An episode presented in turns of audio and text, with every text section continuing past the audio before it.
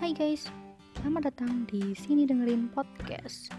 Semoga teman-teman sehat terus ya. Nah, kali ini aku akan ngebahas bagaimana cara agar selalu berpikir positif dan produktif di tengah pandemi.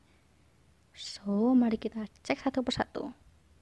Yang pertama, yuk coba tetap tenang dengan mengikuti anjuran pemerintah memakai masker saat berpergian dan sering cuci tangan. Nah, yang kedua ini waktunya kita mencoba hal baru. Bisa coba belajar foto walaupun di rumah aja, tetap bisa kok. Apalagi yang lagi zaman virtual photoshoot. Ya enggak, ya enggak. Jailah. nah, kalian bisa tuh cari tutorial-tutorialnya di YouTube.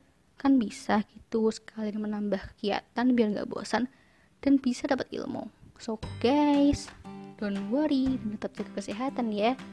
See you.